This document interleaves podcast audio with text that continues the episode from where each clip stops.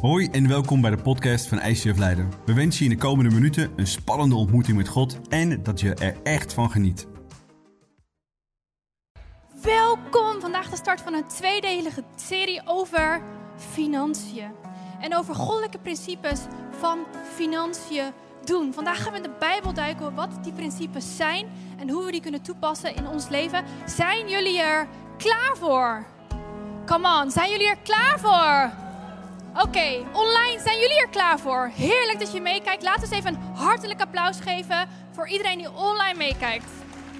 Nice, heerlijk dat je er bent. Misschien luister je dit op een later moment terug. Het maakt niet uit, jij hoort erbij vandaag.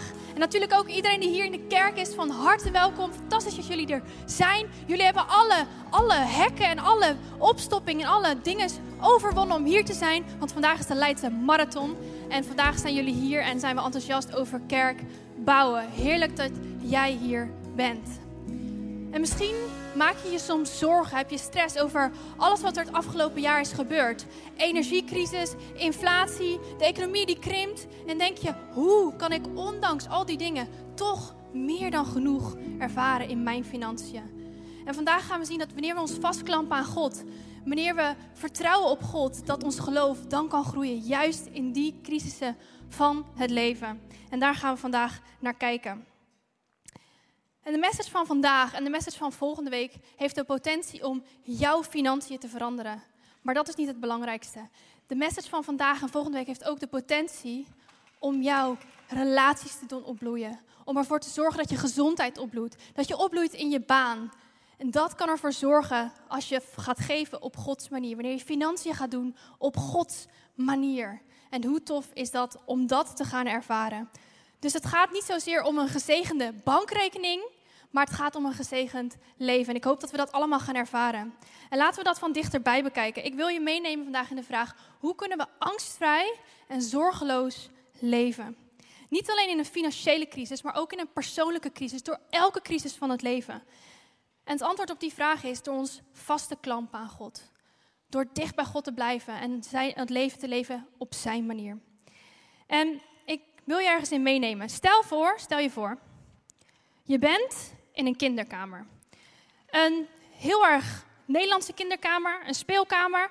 Het is misschien een Nederlands speelkamer, maar het is denk ik een internationaal fenomeen. En je komt daar als vader of als moeder en je zegt: Hey kinderen, zijn jullie lekker aan het spelen? Je lekker aan het spelen? Oh, nee dus. Oké. Ehm, ja. Uh, je denkt als vader of als moeder, waarom? Waarom zijn jullie zo vreselijk egoïstisch? Komt, komt zeker van jullie vader. Hm, grapje. Nee, waarom zijn jullie zo egoïstisch? Ga nou, ga nou delen. Deel nou eens met elkaar. Deel met elkaar. En je probeert als ouder het goede voorbeeld te geven. Je zegt, hey, deel met elkaar, doe het samen. Maar ze zitten zo vast in die mij, mij, mij, mij, mij fase, dat ze niks los willen laten. hey, wij als familie Westra, wij doen het anders. Wij delen met elkaar. Ga maar delen met elkaar, ja? Ja, pak maar. Ja, heel goed. Ja? Ja? Come on! En je raakt geïrriteerd als ouder. Je wilt gaan schelden. Je denkt: wat doe ik verkeerd? Waarom zijn mijn kinderen nou zo vreselijk egoïstisch? En ik denk dat God ook heel vaak zo naar ons kijkt. Dat hij denkt: waarom zitten jullie nou vast in die vreselijke mij, mij, mij fase? Waarom zijn jullie zo kinderachtig? Waarom houden jullie alles voor jullie hey, in, het, in het koninkrijk van God denken we anders. In het koninkrijk van God delen we met elkaar. Is er meer dan genoeg? En in het koninkrijk van God geven we 10% van wat we hebben, geven we weg. Kan je 10% geven? 10%, 10% maar. Nee? Kan jij 10% geven? Ja, doe maar. Geef maar, geef maar. Goed zo, goed zo, goed zo. En dit is precies hoe God naar ons kijkt. Wij zitten soms ook vast op die plek, in die kinderkamer, waarin alles van mij, mij, mij, mij is. En God wil niets liever dan dat we niet in de kinderkamer blijven, maar dat we eruit komen, dat we opgroeien, dat we vrijgevig worden en dat we gaan delen. En die mij, mij, mij fase, kan ik je vertellen, die begint al heel erg vroeg. Mijn jongste is nu anderhalf en ze heeft net het woordje mij geleerd. En het woordje mij gebruikt ze om alles te beschermen wat haar lief is. Vooral eten. Dus laatst was ik uh, met mijn twee dochters uh, bij de Lidl. Dan ga ik croissantjes voor ze kopen. Vinden ze heerlijk om dan terugweg op te eten. Dus ik had zo'n lekker croissantje voor gekocht. Voor, voor de jongste en voor de oudste. En ze zaten lekker in de wagen. Maar eigenlijk was Lucie veel te moe om dat croissantje op te eten. Dus ik zei, hey Lucie, zal ik het croissantje anders in het zakje doen? Mij! En zo keek ze dus. En ze beschermde het met alles wat ze had. En ze wilde het vasthouden, want het was van haar. Dus even later vraag ik het weer: Lucie, zal ik hem anders even voor je bewaren? Mij! En zo heeft ze de hele weg gezeten en het hele croissantje nooit aangeraakt. Maar het was van haar. Dus ze wilde het beschermen.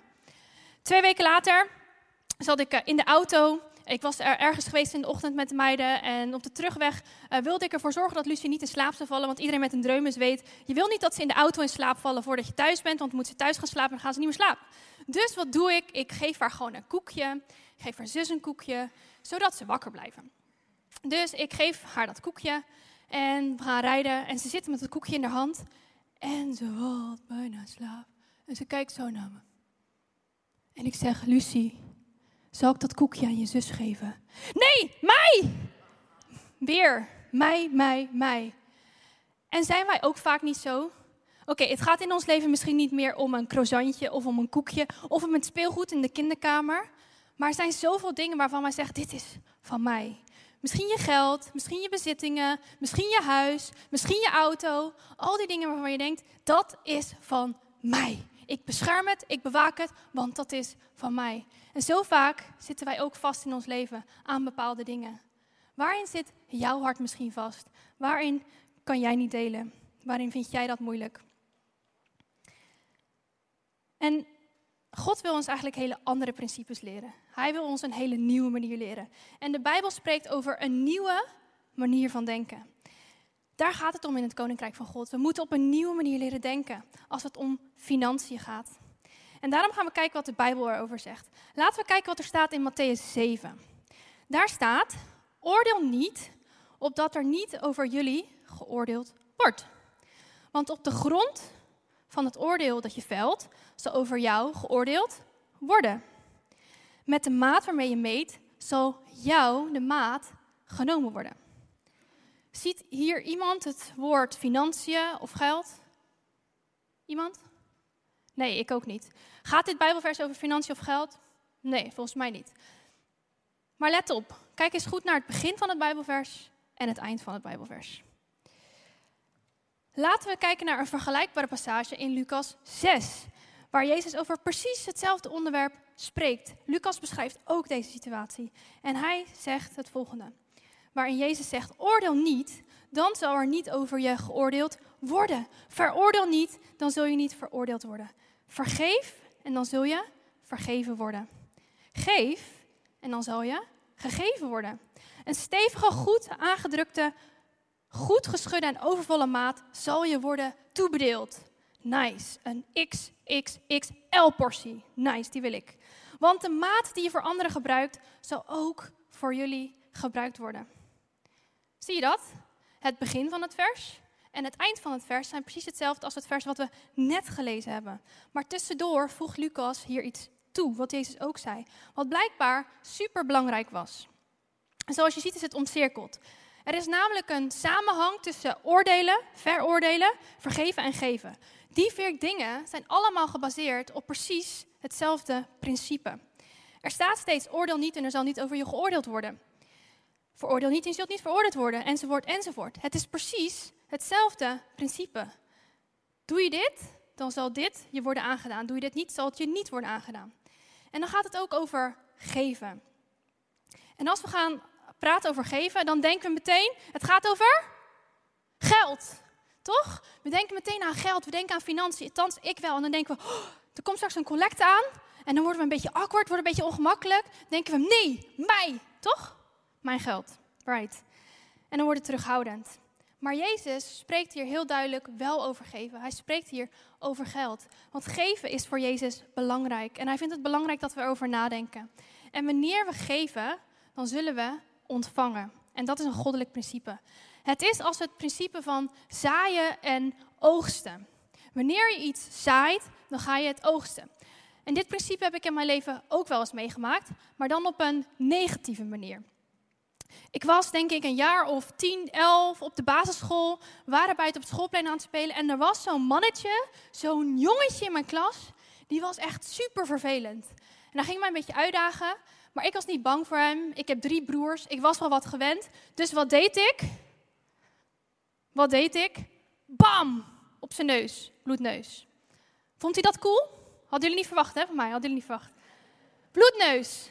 Wat denk je? Drie seconden later. Wat je geeft, zal je gegeven worden. Dus bam! Op mijn neus. Oké, dit is het principe van zaaien en oogsten. En ik heb geleerd dat als ik iemand een klap op zijn neus verkoop, dat ik een klap op mijn neus terug kan verwachten. Dat is het principe van zaaien en oogsten, maar op een negatieve manier. Maar Jezus heeft het hier over eh, dit principe, maar op een hele positieve manier. En als je geeft, zal je gegeven worden. En daar zit een goddelijk achter. Maar hoe werkt dat precies? Laten we kijken naar de bergreden in Matthäus 6. En daarin staat: Verzamel voor jezelf geen schatten op aarde. De aarde is blijkbaar een plek waar je je schatten kunt verzamelen. Mot en roest vreten ze weg en dieven breken in om ze te stelen. Oftewel, op aarde zijn je schatten vergankelijk. Ze vergaan. Het is er niet meer uiteindelijk. Dan gaat het verder. Verzamel schatten in de hemel. Dus niet op de aarde. Hier zien we dus een tegenstelling.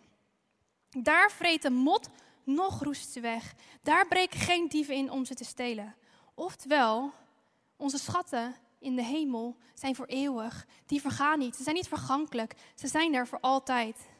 En dan staat er, waar je schat is, dus of op de aarde of op de hemel, in de hemel, daar zal ook je hart zijn. Je schat en je hart zijn dus met elkaar verbonden, direct met elkaar verbonden. Het is een soort treinwagon die aan elkaar vastzit. Je kunt ze niet los van elkaar halen. Dus als je het ene verplaatst, verplaats je het andere ook automatisch. Ehm, dus stel je voor, uh, je hebt je hart en je wilt het uh, ergens naartoe verplaatsen. Stel je hebt aandelen en daar is jouw schat. Jouw schat is in jouw aandelen. Dan verplaatst ook automatisch jouw hart daar naartoe. Of misschien wel vastgoed. Is misschien dat jouw schat?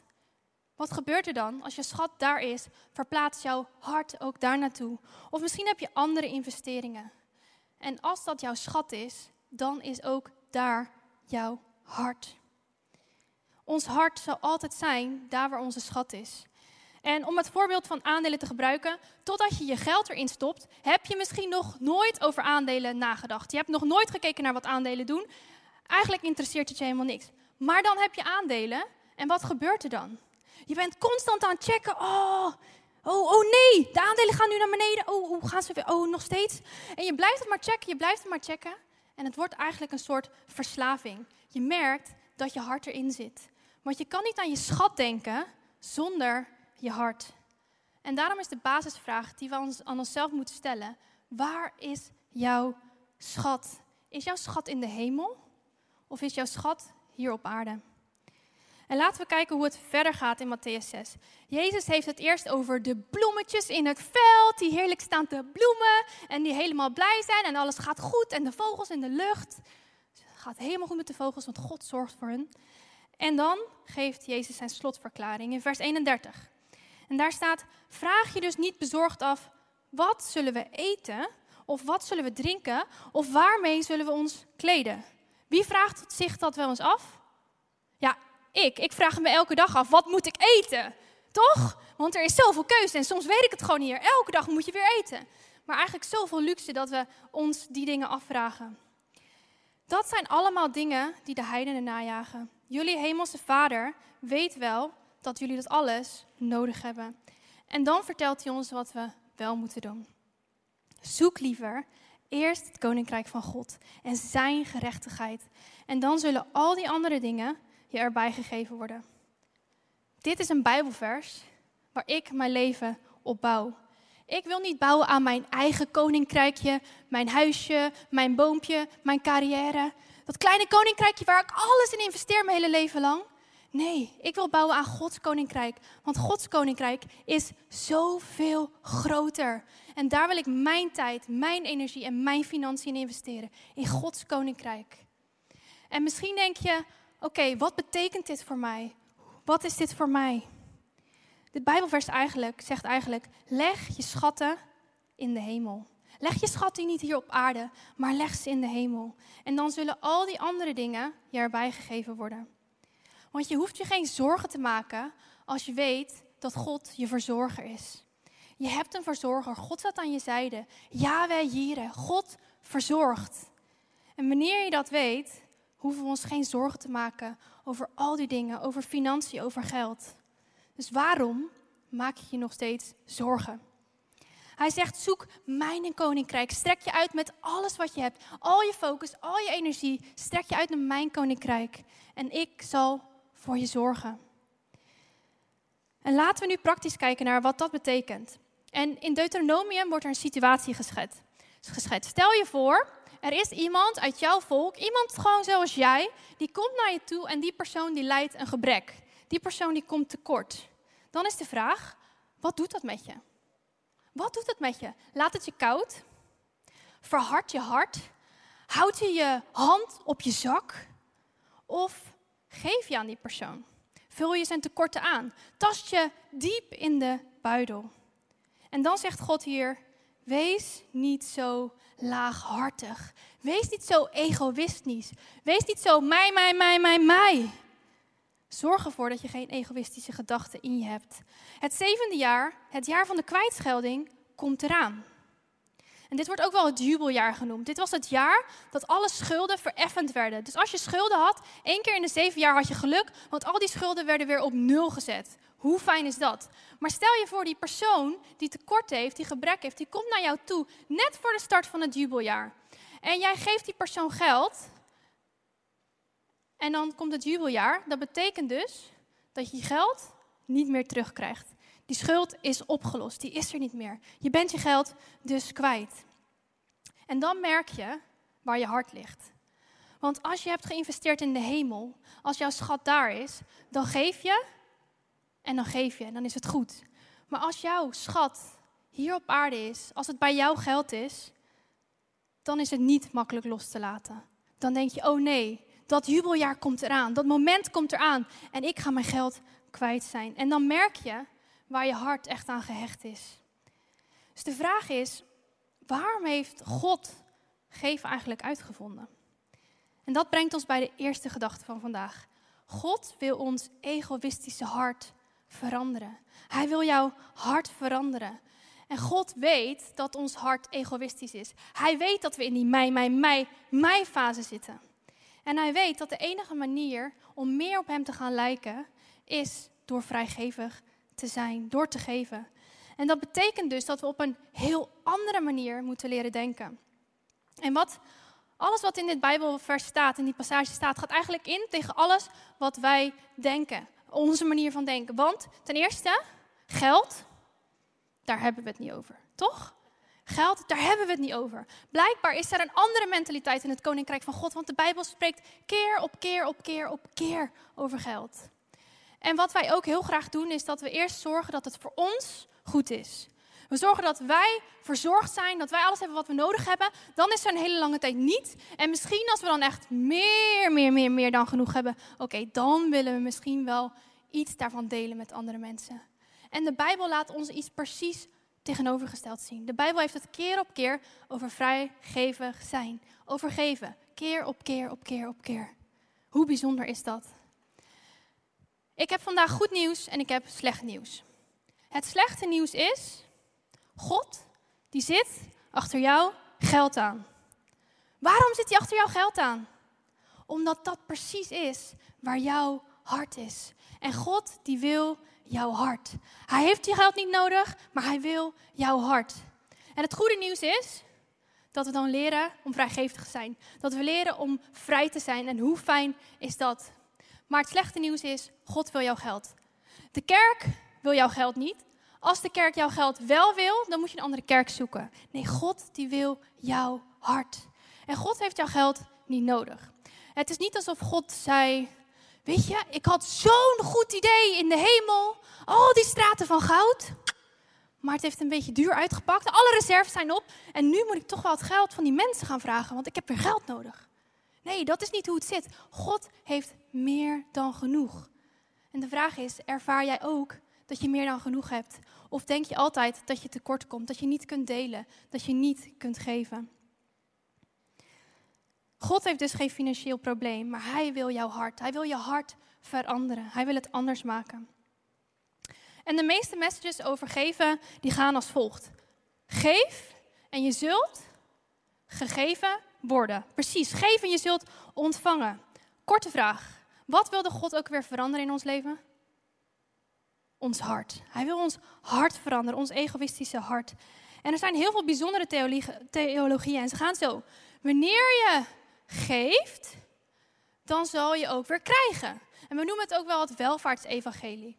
En het welvaartsevangelie zorgt er eigenlijk voor dat we egoïstisch blijven. Het zorgt er eigenlijk voor dat we in die kinderkamer blijven zitten. Want we geven met het idee, als ik iets geef, dan zal ik weer krijgen. Dus je bent nog steeds bezig met jezelf. Je bent nog steeds bezig met krijgen. En wat doet dat met ons? Wat doet het met ons wanneer we op die manier geven?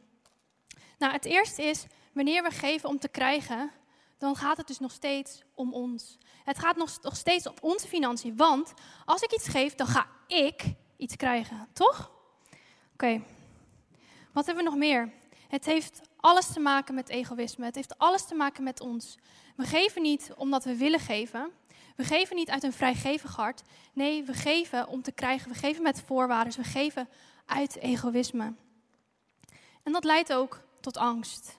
Wanneer we op deze manier geven, dan geeft dat angst. Want we zijn nog steeds altijd bezig met meer krijgen.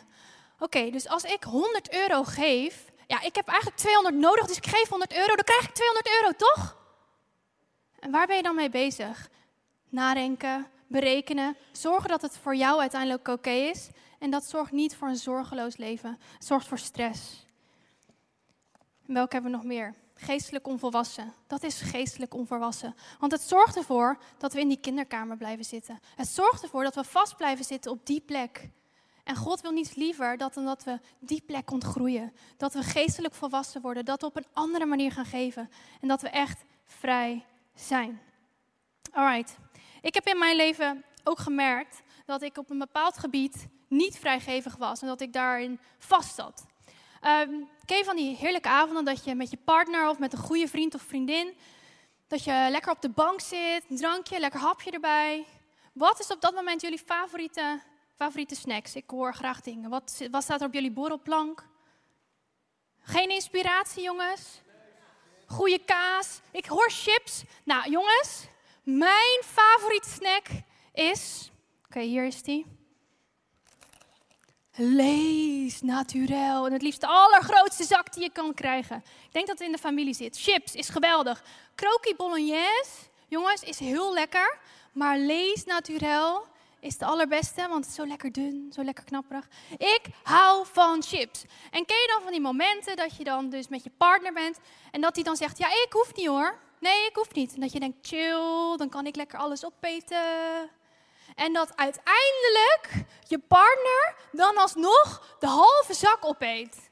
Nou, dan word ik echt, ah, dan denk ik, dan denk ik, nee, dit is voor mij niet alles opeten. En dat denk ik niet alleen, dat zeg ik ook gewoon. Want chips, jongens, daar moet je niet aankomen. Oké, chocola wil ik delen met mijn hele hart. Maar chips, nee, dat, dat is echt van mij. En ik heb gemerkt dat ik daarin niet vrijgevig kan zijn. Dat ik daarin moeilijk kan delen. En de vraag is, waarin zit jouw hart nog vast? Waarin vind jij het moeilijk om te delen? Ik hoop dat het niet je chips is, dat je dat aan mij kan geven. Maar er zal vast iets zijn in jouw leven waarin jij nog vastzit. De passage in Deuteronomium gaat verder. En hier laat God nog een principe zien. Daar staat: Geef hem dus ruimhartig. En geef zonder spijt. En de Heer uw God zal u erom zegenen in alles wat u doet. Wauw. En alles wat u onderneemt. En er zijn twee plaatsen waar de duivel je wil aanvallen als het gaat om geven en om vrijgevig zijn. Het eerste is voor het geven. Dat je denkt, nee, het is van mij, ik wil niet geven. En de tweede plek is na het geven.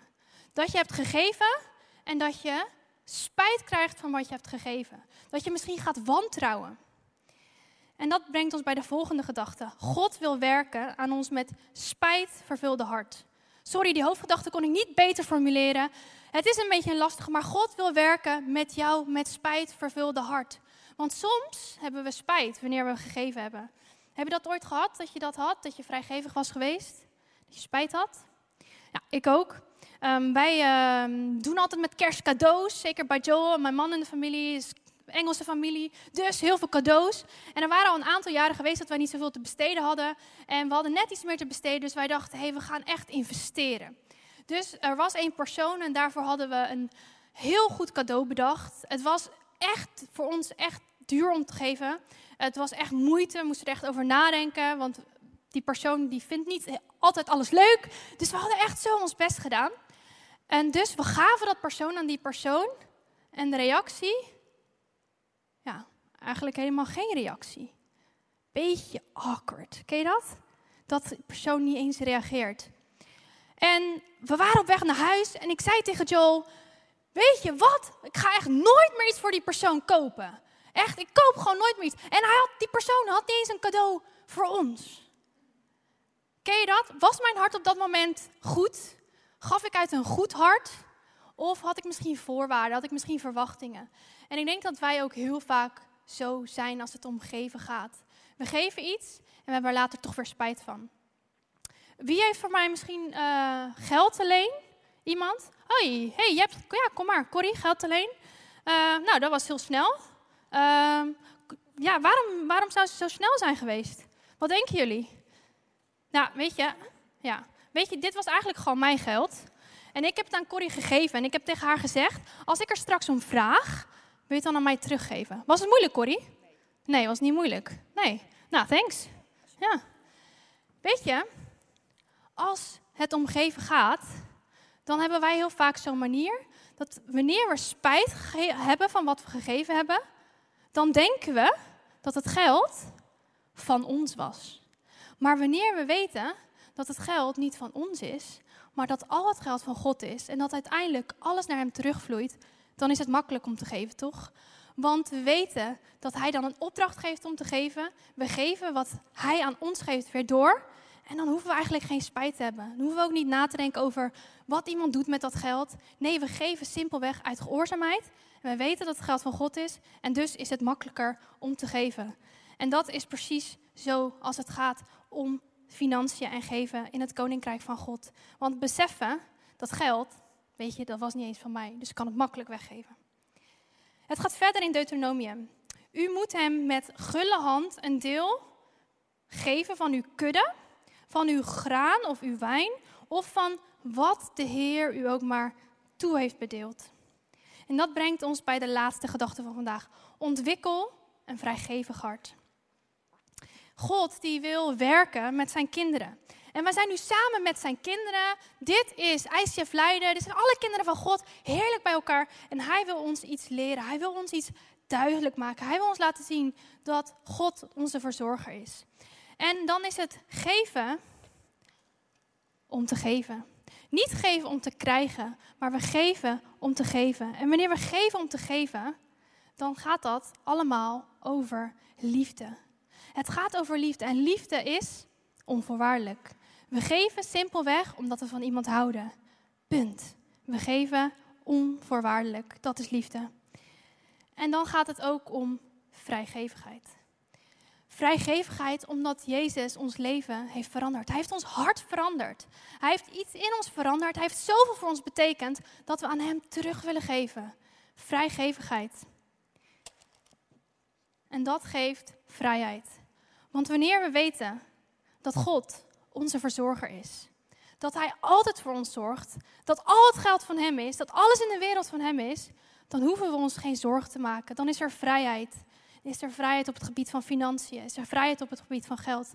Dan is er vrijheid. En dat brengt ons tot geestelijke volwassenheid. We zijn dan niet meer kinderen die vast blijven zitten daar in die kinderkamer. Nee, we kunnen vrij zijn. We zijn geestelijk volwassen. We zitten niet meer vast in die mij, mij, mij fase, maar we zijn vrij. En laten we teruggaan hier naar de kinderkamer. Op deze plek. En ik wil eigenlijk de kinderen vragen om weer eh, even bij mij terug te komen. Ik weet niet waar ze zijn. Ze zijn denk ik vast even buiten. Oh, kijk, top. Ze zijn er weer. Ze zijn vast even buiten aan het spelen. Ehm, Oké. We gaan weer lekker spelen. Uh, Oké. Dina, mijn kind. Zet iets in het midden. Zet maar iets in het midden, ja? Ja, je kan het wel. Ga maar iets. Ja, deel maar. Heel goed. Wauw, fantastisch. Je hebt 2 euro gegeven. Ik ben heel trots op je. Echt heel erg goed. En wanneer je begint te geven, dan gaat God ook geven. En op een gegeven moment hebben mensen door, de kinderen hebben door, dat God vrijgevig is. En de broers en zussen hebben het ook door. En ze gaan steeds meer geven. En steeds meer. En in de eerste kerk deelde men alles met elkaar. Men deelde alles met elkaar. En God geeft en hij geeft en hij geeft. En er is meer dan genoeg. Wauw. Goed gedaan, kinderen. Dank je wel. Jullie zijn echt zo vrijgevig geworden. Wauw. Heerlijk. En dit is precies hoe het werkt als we Gods principes naleven in ons leven. Maar ik heb gemerkt dat we heel vaak onbewust denken dat deze principes, dat deze principes alleen maar werken als we meer dan genoeg geld hebben. Of dat we misschien wel zelfs miljonair zijn. Dat je meer dan genoeg hebt om te geven. Alleen dan, ja, dan werken die principes. Dat denken we onbewust. En ik merkte in mijn leven ook dat ik bad voor een wonder van God, een financieel wonder van God. En ik besefte dat um, ik dacht dat, um, dat ik misschien wel de theologie had dat er mensen zijn, er zijn mensen die geven, die zijn meer geneigd om te geven. Dat zijn de CEO, CEO's, dat zijn de ondernemers, dat zijn de mensen met heel veel geld. Die geven waarschijnlijk. En dan zijn er ook mensen die meer geneigd zijn om te krijgen. Dat zijn de voorgangers, dat zijn de mensen die vrijwilligerswerk doen, dat zijn de maatschappelijk werkers. Dat zijn de mensen die iets minder hebben. En die mensen zullen waarschijnlijk meer krijgen. En ik was die persoon die bad tot God. God, laat u mij iets geven. Ik heb een financieel wonder nodig. Dus ik wilde die persoon zijn die zou ontvangen.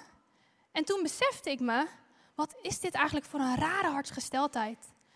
Ik denk dus eigenlijk onbewust dat deze principes alleen maar gelden als ik heel veel te besteden heb, als ik meer dan genoeg te besteden heb. Maar toen heb ik mijn gebed veranderd. En ik bedacht me en ik vroeg aan God: laat mij een persoon zijn die vrijgevig is. Laat mij een persoon zijn die zo vrijgevig is dat ik op een dag dingen zal weggeven aan andere mensen die ik zelf niet voor mogelijk kan houden.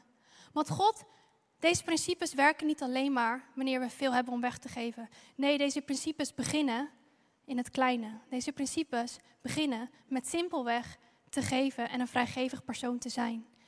En dat is zo waanzinnig. En dit, deze gedachte heeft mijn perspectief veranderd. Hoe werkt dat? Nou, dat werkt, en dat kan alleen maar werken, door Gods hulp. En dat is een principe wat ik je wil uitleggen door deze illustratie.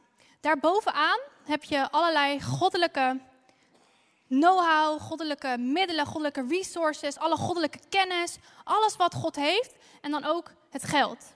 En onderaan zie je de wereld, wij mensen, onze uitdagingen, alles wat wij ervaren, uitdagingen in het leven, lijden, pijn.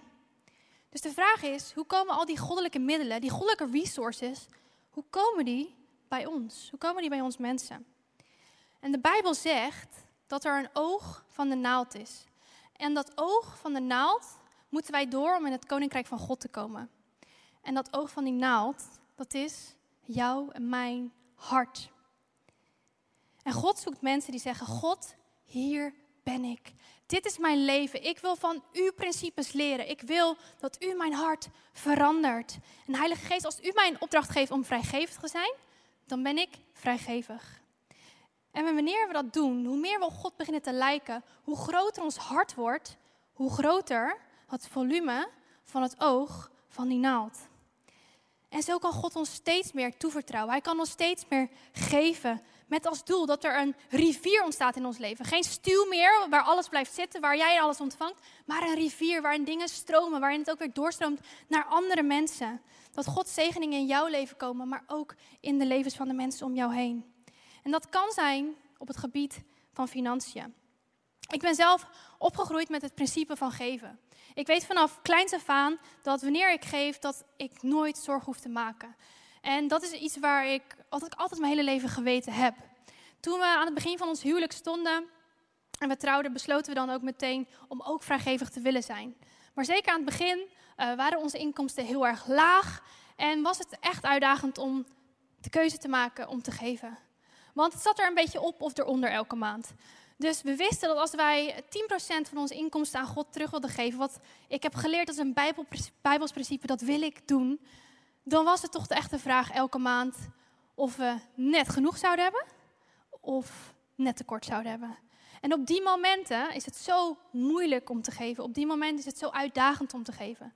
Maar precies op die momenten wilde ik aan God laten zien: God, ik vertrouw u, ik hou van u en ik wil geven. Dus dat is wat we gedaan hebben. Elke maand gaven we 10% van ons inkomen. En daarna hebben we gemerkt dat we eigenlijk, gek genoeg, nooit iets tekort kwamen. Sterker nog, God zorgde keer op keer voor zegening na zegening na zegening. En we hadden altijd genoeg geld om te eten en te drinken. We hadden altijd genoeg geld om op vakantie te gaan. We hadden altijd genoeg geld om alles te kunnen doen wat we wilden. En zelfs meer dan genoeg om te kunnen sparen. Hoe? Ik weet het niet. Ik begrijp het soms niet. Maar ik zie het als Gods goedheid die keer op keer achter ons aankomt, omdat we besluiten ons leven te bouwen op goddelijke principes. En we zien dan dat God ons steeds meer toevertrouwt, dat Hij ons steeds meer zegent. En we besloten daarin ook nog een extra stap te willen doen om ook jaarlijks een offer te brengen. En dat jaarlijkse offer was groot voor ons, was zwaar voor ons, want er was gewoon niet zo heel veel. Maar we begonnen het simpelweg gewoon ergens te doen. We besloten, God, u bent onze verzorger, we, hebben, we houden van u en we willen simpelweg uit dankbaarheid teruggeven voor wat u voor ons heeft gedaan. En zo zijn we elk jaar steeds ietsjes meer gaan geven. En het is zo waanzinnig om te zien hoe God dan verzorgt. Want de zegeningen, die komen dan. Uh, een tijdje geleden had ik de ingeving, hey, misschien moet ik een e-reader kopen. Ik was altijd onwijs van het lezen, ik verslond allerlei boeken, maar sinds een aantal jaar kwam er eigenlijk helemaal niks meer van. Totdat ik een moment had waarin de Heilige Geest zei, misschien moet je een e-reader proberen. Kan je misschien je telefoon soms aan de kant leggen, e-reader erbij pakken als je in bed uh, misschien nog uh, aan het zorgen bent voor de meiden s'nachts. Dus ik dacht, oké, misschien moet een e-reader kopen. Nou, dat idee liet ik weer los. ik had wel een beetje naar gekeken, maar ik dacht, af, best wel duur en ik weet niet of dat nu kan betalen. Toen was er een week waarin de Heilige Geest zei: nee, je moet een e-reader kopen. Dus ik ging een beetje research doen. En ik dacht: oh ja, nice, welke is het beste? Wat, is, wat heb ik nodig?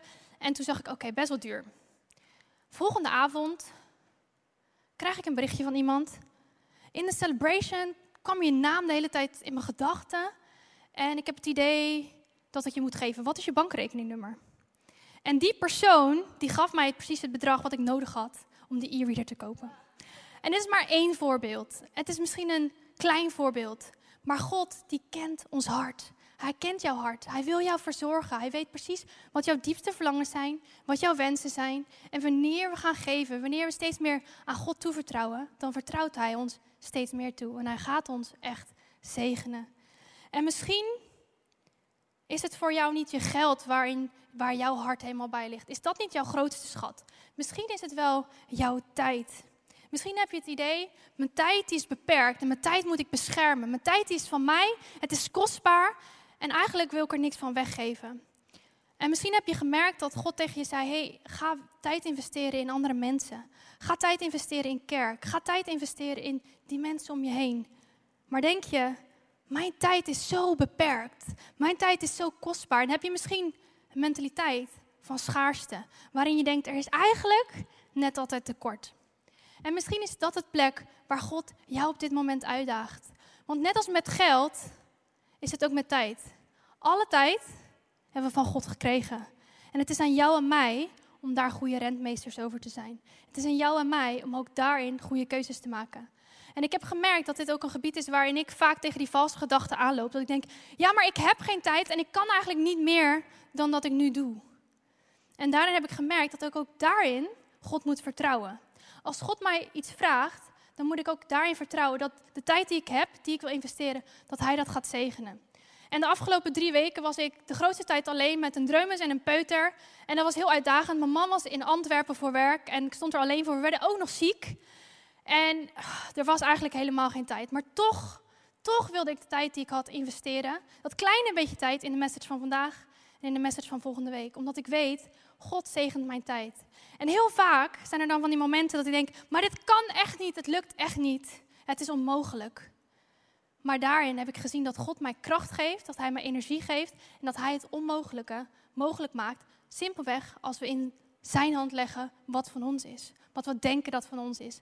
Tijd, energie, geld, het maakt niet uit. God wil het verzorgen. En God die beloont die houding. Hij zorgt dat we beloond worden. Hij zorgt dat we vervuld raken. En dat is zo mooi om vervuld te raken. Is makkelijk? Nee, is niet makkelijk. Is heel uitdagend. Maar dit is wat God van ons vraagt. En je bent niet gemaakt om in je ego vast te blijven zitten. Je bent niet gemaakt om op die plek te blijven, maar om je hart te laten veranderen. Om vrijgevig te worden. En laten we tot slot afsluiten met de laatste gedachte uit Deuteronomium. Het Bijbelgedeelte eindigt zo. Bedenk dat u zelf slaaf geweest bent in Egypte, totdat de Heer uw God u bevrijdde. Daarom geef ik u vandaag dit gebod. God die gebiedt jou en mij om te geven. Beetje gek toch? Kan iemand jou gebieden om te geven?